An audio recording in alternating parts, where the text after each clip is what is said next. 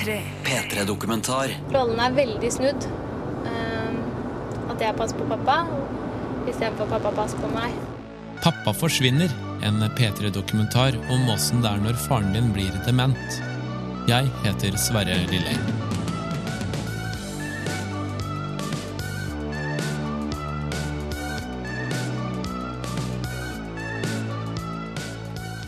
Skal du ha gebisser, eller skal du ta det ut? Bra. Går det bra? Mm, Da, du skada deg litt, da. Bra. Ja, du har blomst i kjeften, ja. Pappaen til Benedicte Høyvik har nettopp ramla utover stuebordet etter at han reiste seg fra godstolen for å spille ringspill. Ja, vi skal hjelpe deg med. Har du mer blomst i kjeften? Skal du skylle? Før han blei sjuk for ti år sia, hadde Thor ei lederstilling hvor han jobba med barn med spesielle behov. Åpne munnen, da. Ja. Ap, agap. Ja. I dag er det han som må ha hjelp. Mm, mm, mm, mm. Er tunga? Mm, mm. Jeg kjører deg blomst i kjeften. Han var en veldig typisk far for meg. Han var liksom sånn som alle andre, egentlig. Torger er broren til Benedicte. Han er tolv år eldre enn hun og driver et bilverksted i Larvik. Torger fikk mange flere år sammen med en frisk pappa enn det Benedicte har hatt. Jeg hadde jo masse glede av han da jeg var liten. Vi hadde mye samme interesser, og vi likte både motor og motorsykler og biler. Det var liksom det det gikk i. Og han var kjempeinteressert. Å få med meg på det og, og dra med han på noe sånt var jo null problem. Hvis jeg hadde lyst til å gjøre noe sånt, så var jo han med med en gang. Så, sånn sett så har jeg vært heldig med å oppleve en, den perioden han var frisk, såpass lenge som jeg var heldig å gjøre. I motsetning til søstera mi, som da fikk bare 10-12 år som han var frisk. Og jeg skjønner nok hun kan ha litt, litt dårligere minner om faren sin. Ikke ha den trygge faren som var i bakhånda uansett. Et par dager tidligere, 23 år gamle Benedicte og samboeren Snorre er nettopp ferdige med ukas siste time på Høgskolen i Oslo. Nå skal de til Larvik for å besøke foreldrene hennes.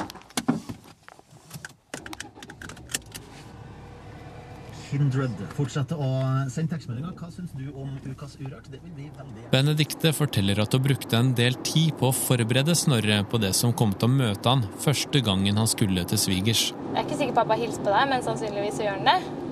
Eh, samtidig som at eh, Snakk med pappa som om han er en helt vanlig eh, pappa. Eh, og så får du de svara han, han gir. Og sa liksom Det kommer til å bli litt rart, men han griser når de spiser og Men eh, det er sånne ting man må bare ta, på en måte. Ja. Hva tenkte du da, Snorre? Når du var på vei nedover liksom første gangen? Det var en, en, noen tanker som svirra da jeg kjørte en aleine fra Oslo til Larvik den kvelden. Han er jo, han er jo annerledes enn en annen type svigerfar, da. Ja, men han er fortsatt svigerfar. Alle er jo litt nervøse før man møter svigerfar.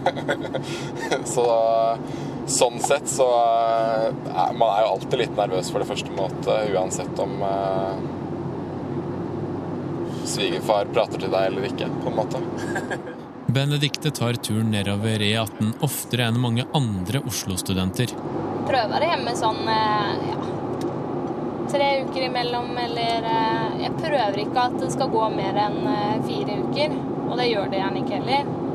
Og det er jo sånn Jeg kan jo ikke ringe hjem til pappa, så det blir jo ikke Vi har ikke den Eller vi ringes jo, men det blir på en måte ikke den samme greia. Jeg kan ikke gi henne en klem, som er kanskje den viktigste kommunikasjonsformen vi har nå, på å si at jeg er glad i deg.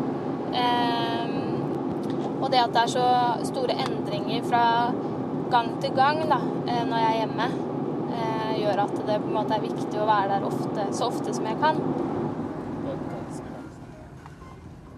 Rundt en sving, etter en av de ytterst få rundkjøringene på østsida av Lågendalen i Vestfold, ligger det hvite huset som oldefaren til Benedicte bygde.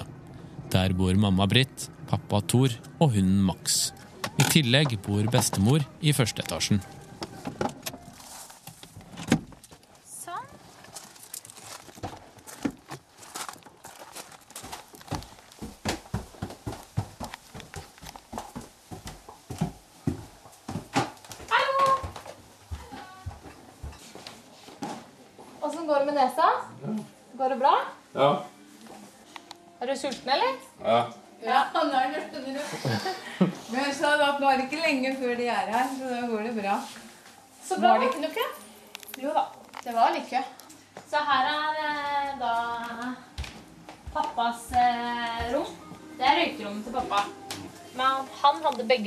Som røykerom en periode, ikke sant til pappa? Jo. Jo, det syns jeg var litt dårlig gjort. Ja. Ja, Så da fikk jeg begge rommene ned, og så fikk du det her. det var grei deal, det. For noen i hvert fall.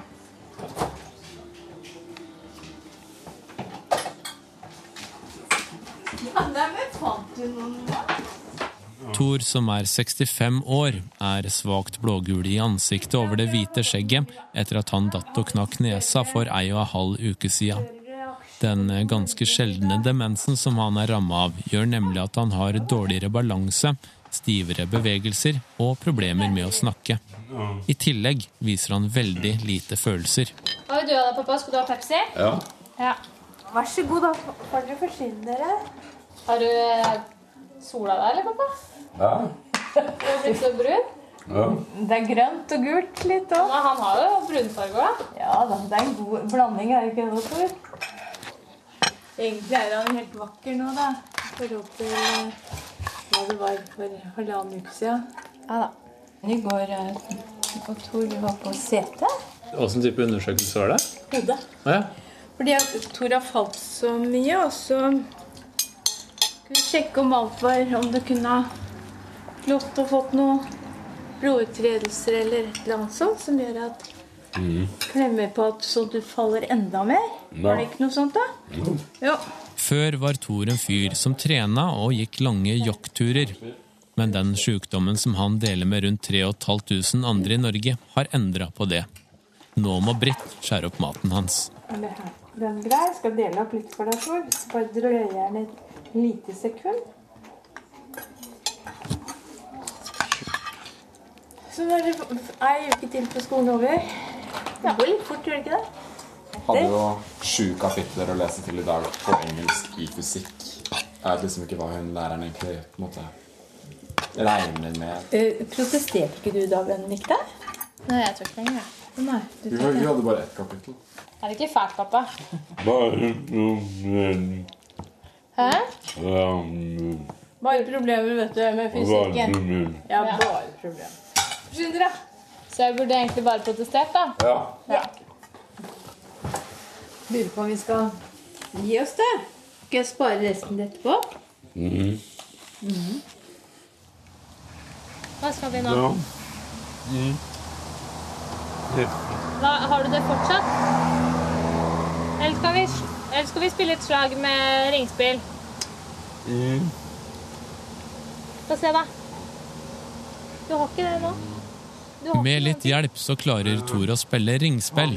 Sammen med yatzy og korte gåturer er det noe av det mer avanserte som han gjør sammen med dattera. Der, er du klar nå?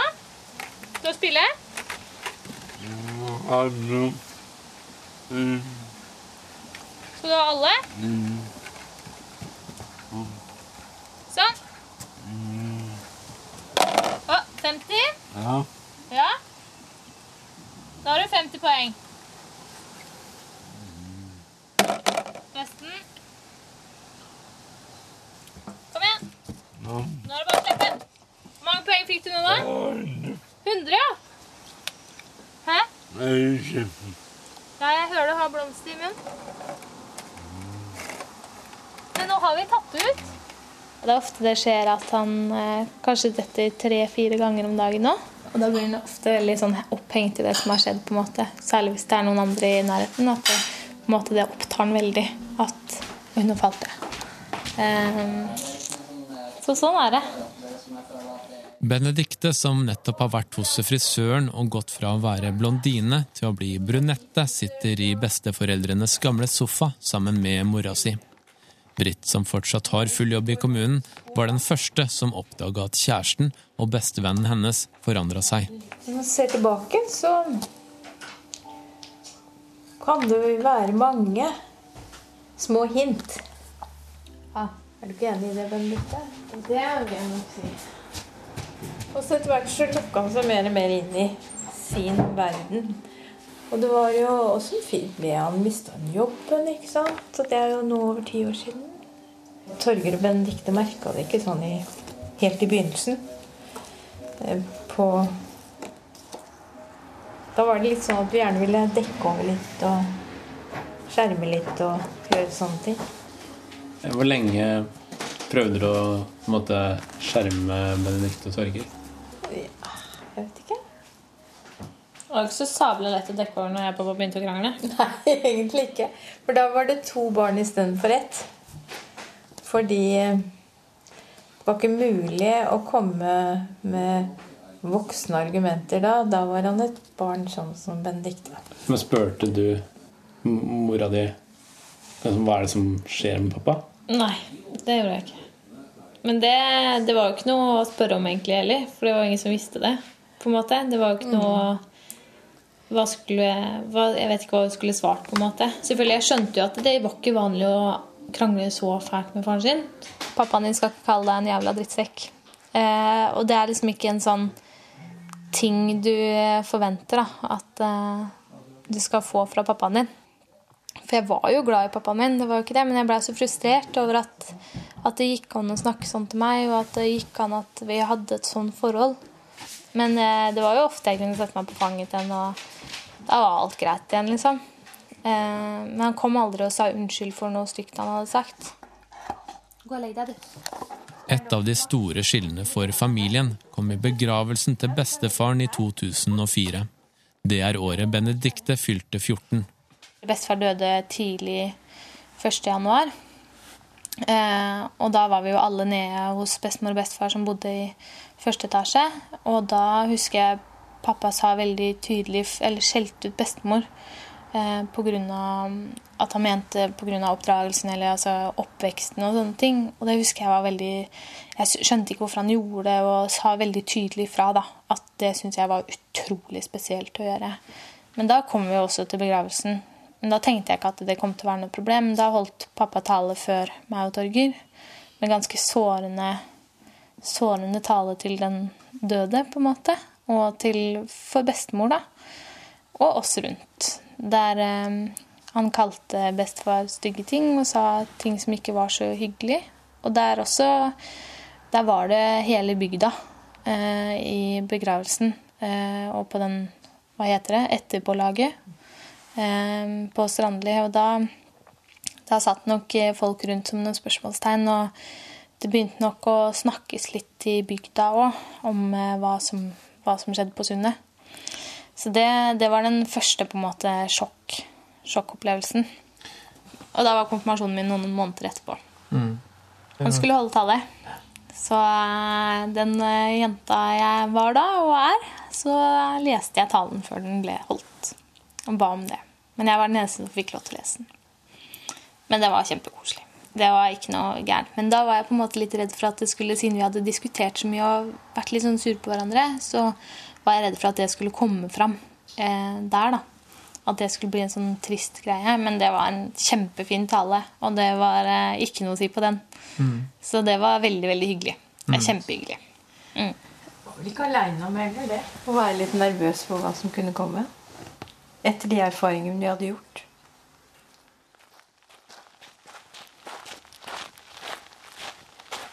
Altså, jeg har kanskje mer bein i nesa nå enn hva jeg ville hatt hvis, ikke, eller hvis ikke pappa hadde blitt syk. da. Eh, men det har samtidig påvirka meg Altså, du blir jo lei deg, på en måte. Det er kanskje Jeg har hatt mer sånn tyngre tanker enn mange andre 13-14-åringer trenger å tenke på. da. Eh, som eh, trenger ikke å tenke på om pappaen din ikke har lyst til å leve lenger, eller altså at pappaen din eh, ikke bryr seg så mye lenger eller gjør rare ting og må passe på. Eh, hvordan man på en måte skal dekke over de tinga der. Hvis du liksom skulle tenke deg Hvis man skal prøve å sammenligne Thor med en A4-pappa, da. Åssen tror du han har skilt seg fra dem? Jeg tror det der med kontakten til barnet ditt, at han på en måte ikke spør hvordan jeg hadde det. Eh, han ikke tok noe initiativ til å hjelpe meg med lekser. At han kanskje ikke ser Han har vært mer ungdom i sinnet, mens jeg også var ungdom. Og det er det ikke så mange andre pappaer som er, da. Har, altså jeg er jo veldig glad i pappa fortsatt, men nå har jeg en annen pappa enn hva jeg hadde når jeg var yngre. Man er alltid glad i noe ser jo seg selv litt inn og sånne ting.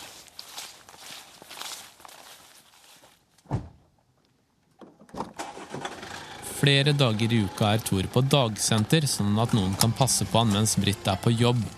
Nå er vi på vei til Kjølling, som ligger rundt et kvarter unna for å hente han. Det er for kort å bare være hjemme én dag, men det å liksom ha en hel helg, da. um, og prøve å gjøre sånne ting jeg vet han liker. At, det, ehm, at jeg henter den f.eks. tidligere på fredag hvis jeg er hjemme fra torsdag. eh, på dagsenteret. At det er liksom noe han vil at jeg skal gjøre. Og da får jeg gjøre det. Vi får skjemme bort. Han har jo skjemt bort eh, meg og Torgeir. Men ehm, når du tenker sånn litt lenger fram, da Altså, det er jo ikke liksom, hvor, hvor lenge tror du Altså, veit dere at uh, Tor kommer til å leve? Nei, vi vet ikke hvor lenge vi har pappa. Eh, og det er eh, Men de estimerte vel sånn cirka for et år siden at eh, mer enn to år er kanskje usannsynlig. Så det er nok ikke Ja, jeg tror nok han holder eh, i hvert fall ett år til. Men vi merker jo at det, det har gått mye fortere nå i det siste, og det sier jo de på, eh, på avlastninga også. Det er, jo, altså det er jo trist å høre. Vi ser det kanskje ikke så tydelig som de gjør, men samtidig så ser jeg jo det hver gang, mellom hver gang jeg er hjemme, at uh, ting er litt vanskeligere for han også. Utafor bilvinduene passerer jorder med gule kornaks, et par traktorer, og det blir tettere mellom husa. Imens forteller Benedicte at hun skulle ønske at hun ikke følte seg forplikta til å være hjemme så ofte som hun er. Ikke at det ikke er koselig, men den der at du må på en måte planlegge at Ok, jeg må huske å se pappa i løpet av den tida. Eh, at det ikke må gå mer enn så og så lang tid. Og både for avlastning for mamma og det at jeg har lyst til å være sammen med pappa så lenge han er klar, da, på en måte.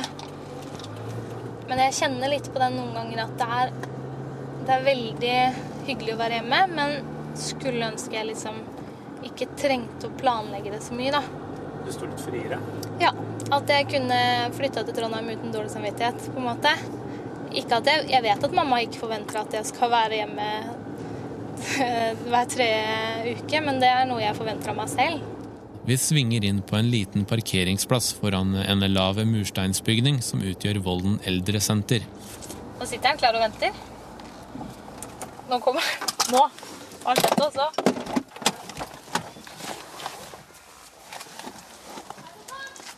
Ja, nå er det henting. Har han jakke, eller? Ja. Hei. Hei sann, Tor. Den, Er du klar for å dra hjem? den, den. Har du fått billetter? På dagsenteret. Dragere? Hjemmesykepleien har nok vært innom. Har du, har, du, har du ikke hatt med deg noe billig der oppe? Jo.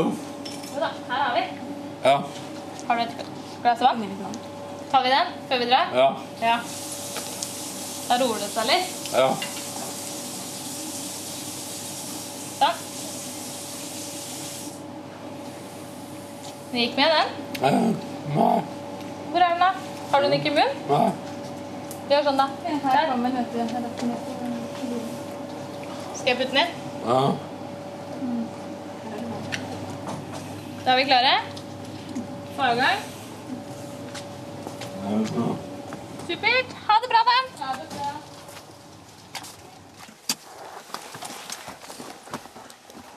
Hva fikk dere for noe til middag, da? Ja. Da- Ja. Ja. Pølse. Smulte? Pølse. Pølse, ja. Fikk du noe dessert, da? Ja. Hva da, da? Um, jeg spiste ikke dessert. Hæ? Jeg spiste ikke dessert. Spiste du ikke dessert? Nei. Hvorfor ikke det, da? Nei. Var det ikke noe innbydende? Nei. Nei. Sånn kan det gå.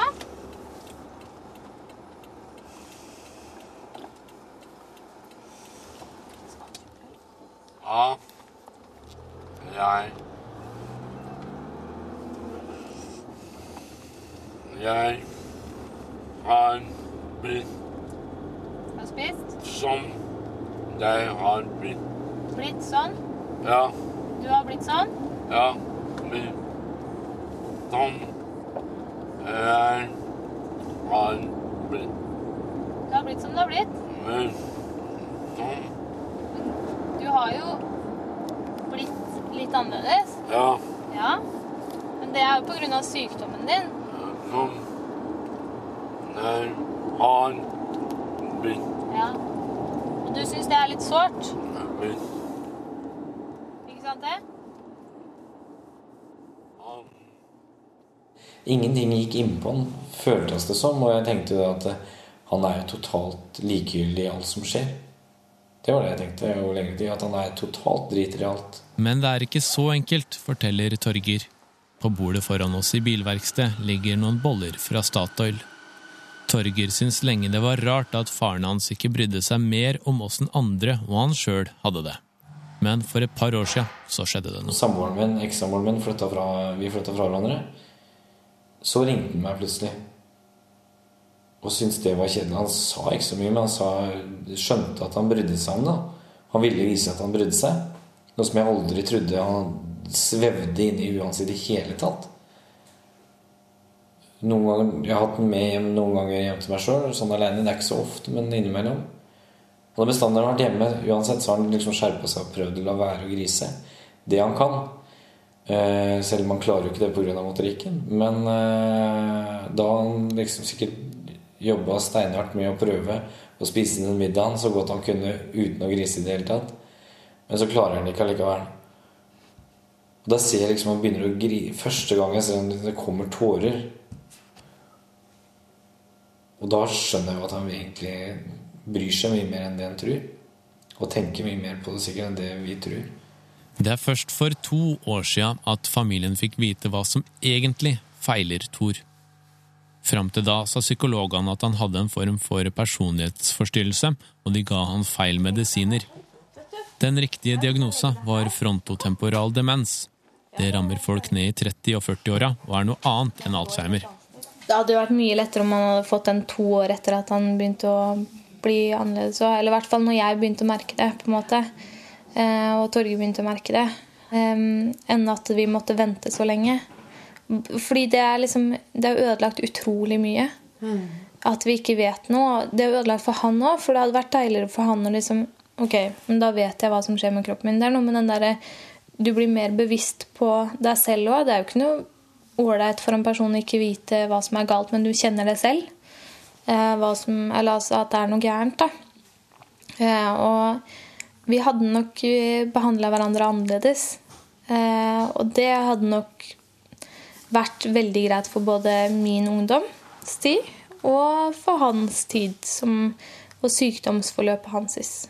Jeg tror nok han hadde vært, vært kanskje hakket gladere lenger hvis vi hadde hatt en diagnose tidligere. Altså Jeg tror det også hadde vært lettere for meg at jeg kunne sagt liksom, pappa min har demens, og det er sånn det er, men jeg vil ha han med. på en måte. Eh, det kan hende han sier noe rart, eller Og det er sånne ting jeg regner med at jeg egentlig ville stått foran klassen og sagt også. At eh, jeg vet at pappa kommer til å bli med, men dere må bare takle den situasjonen som det er. Og det er en, det er en sykdom, og en sykdom er mye lettere å eh, fordøye enn bare litt rar oppførsel. Men så er det noe med at ting faller på plass. Altså Når du får en diagnose, så faller en god del puslespillbrikker på plass, og du tenker 'Å ja, å ja, men da var det ikke så rart at det skjedde'. Så leser du litt, og så får du litt veiledning, og så Nei, det, Det er veldig godt å ha en diagnose å forholde seg til. Jeg tror vel vi begge, eller alle tre, eh, hadde i periode, lange perioder håp om at ting skulle gå over litt. Hvor lenge håpa du, tror du? Det håpet var nok kanskje syv-åtte år. Men eh, Men det er bare to år siden. ja, ikke sant? Det er jo Men verden er rar, skjønner du. Når man lever i en sånn setting, så er det utrolig hvor mange sånne små øyeblikk som kan gjøre at Oi! Ja, så fint. Nei, nå glimta det til. Og og Han mista kanskje jo liksom ikke funksjonene før For et par år siden. for et par år siden. Og det er da det på en måte du merker veldig den derre Oi, nå er det en veldig spesiell ting som skjer. Det er ikke vanlig at du er psykisk syk og mister funksjoner. Og han trakk seg jo bare mer og mer unna, så han satt jo bare nede på røykerommet dag ut og dag inn etter hvert. Og det var liksom ikke Når vi var hjemme og så på TV på en fredagskveld eller lørdagskveld, så var det han, han var jo ikke her oppe og prata med oss. Selv om han hadde masse Da hadde han jo masse språk. Det er først de siste, det siste året det har gått veldig ned med språket. Så, og da var det jo ikke noe han, Men han var jo stille uansett om vi satt og spiste middag eller ikke. Han lukka seg mer og mer inn i sin lille verden. Og der eh, Og han satt og skrev tusenvis av sider på PC-en. Om igjen og om igjen. Mye var likt. Så det var veldig rart. Det var- Leste du noe av det? Nei, jeg turte ikke. Nei. Eh, fordi Eller jeg visste jo litt hva det sto. Det var ikke sånn veldig mye hyggelig. Eh, hva, mener, hva mener du da? Det ikke var noe både om eh, andre personer enn meg men, og mamma. Og, eh, men eh, også en del om meg. Jeg opplevde jo at det sto veldig mye sårende der. Så jeg forsøkte jo å brenne en god del. Så er det jo det som er så rart, er at på en måte initiativet er borte. Det er liksom ikke Pappa Etter at han ble syk, så tok han jo veldig lite initiativ. Han har på en måte Han har ikke ringt meg, eller i hvert fall ikke noen når jeg har flytta til Oslo. Eh, så er det liksom ikke han som tar kontakten. Henrik, da du reiste jorda rundt, hvis vi tenker tilbake til det, så ringte han aldri. Nei. Nei, han gjorde ikke det. Men er det fortsatt sårt? Jeg skulle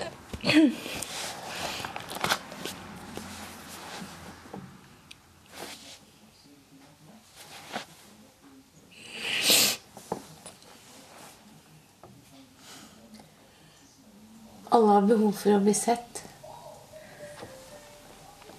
Å miste den biten og bli sett av pappaen sin, det er krevende.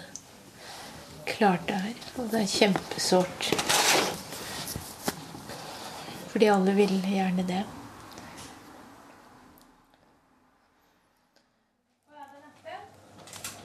Jeg driver og samler inn mat, skjønner du. For å fylle, fylle kjøleskapet. Det er veldig greit. Smart, det, da. Ja, alle har vært studenter en gang. Alle penger spart er ålreit. Uh, Skal vi råse over de lommene? Mm. Det er veldig greit, for her kan jeg gå i to etasjer. Først så samler jeg litt hos mamma, og så annonserer jeg til bestemor at uh, nå skal vi snart dra, så da kommer vi snart innom, og da er hun, er hun klar. Tror du hun har bortskjemt, eller? Det var veiplommene. Yes. Begynner å hjelpe deg? Epler? Eh, nei. Det er, det er for sunt. Nei, men eh, jeg tror vi har den. Nå skal vi snart dra, pappa. Ja? Ja. Hæ? Ja. Ja, jeg og Snorre skal dra til Oslo. Ja. Vi må jo komme oss hjem igjen. Ja. Skal jeg hjelpe deg med noen puter? Ja. Hvis du legger den der, da. Ja. Er det greit? Ja. Og så den over. Den er over. Den over. Sånn. Det er over, ja. Vil du ikke ha armen over? Ja. Nei. Yes. Skal vi bevege oss videre, kanskje? Ja, da bestemor og mamma. Så ses vi om eh, noen uker. Ja. Ja. Ja. Så får du ha det bra. Ja. Halla, pappa. pappa. Ha det. Da snakkes vi snart. Ja. Ja. Så får du ha det bra. Ja. Ja. Har du hatt en grei helg? Ja. Er du helt sikker? Ja. Det er bra. Jeg er glad i deg. Ja. Ha det bra, da. Ja. Så ses vi til bursdagen til bestemor. Ja.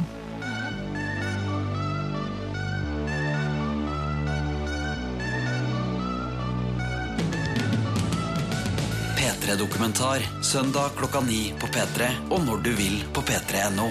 P3.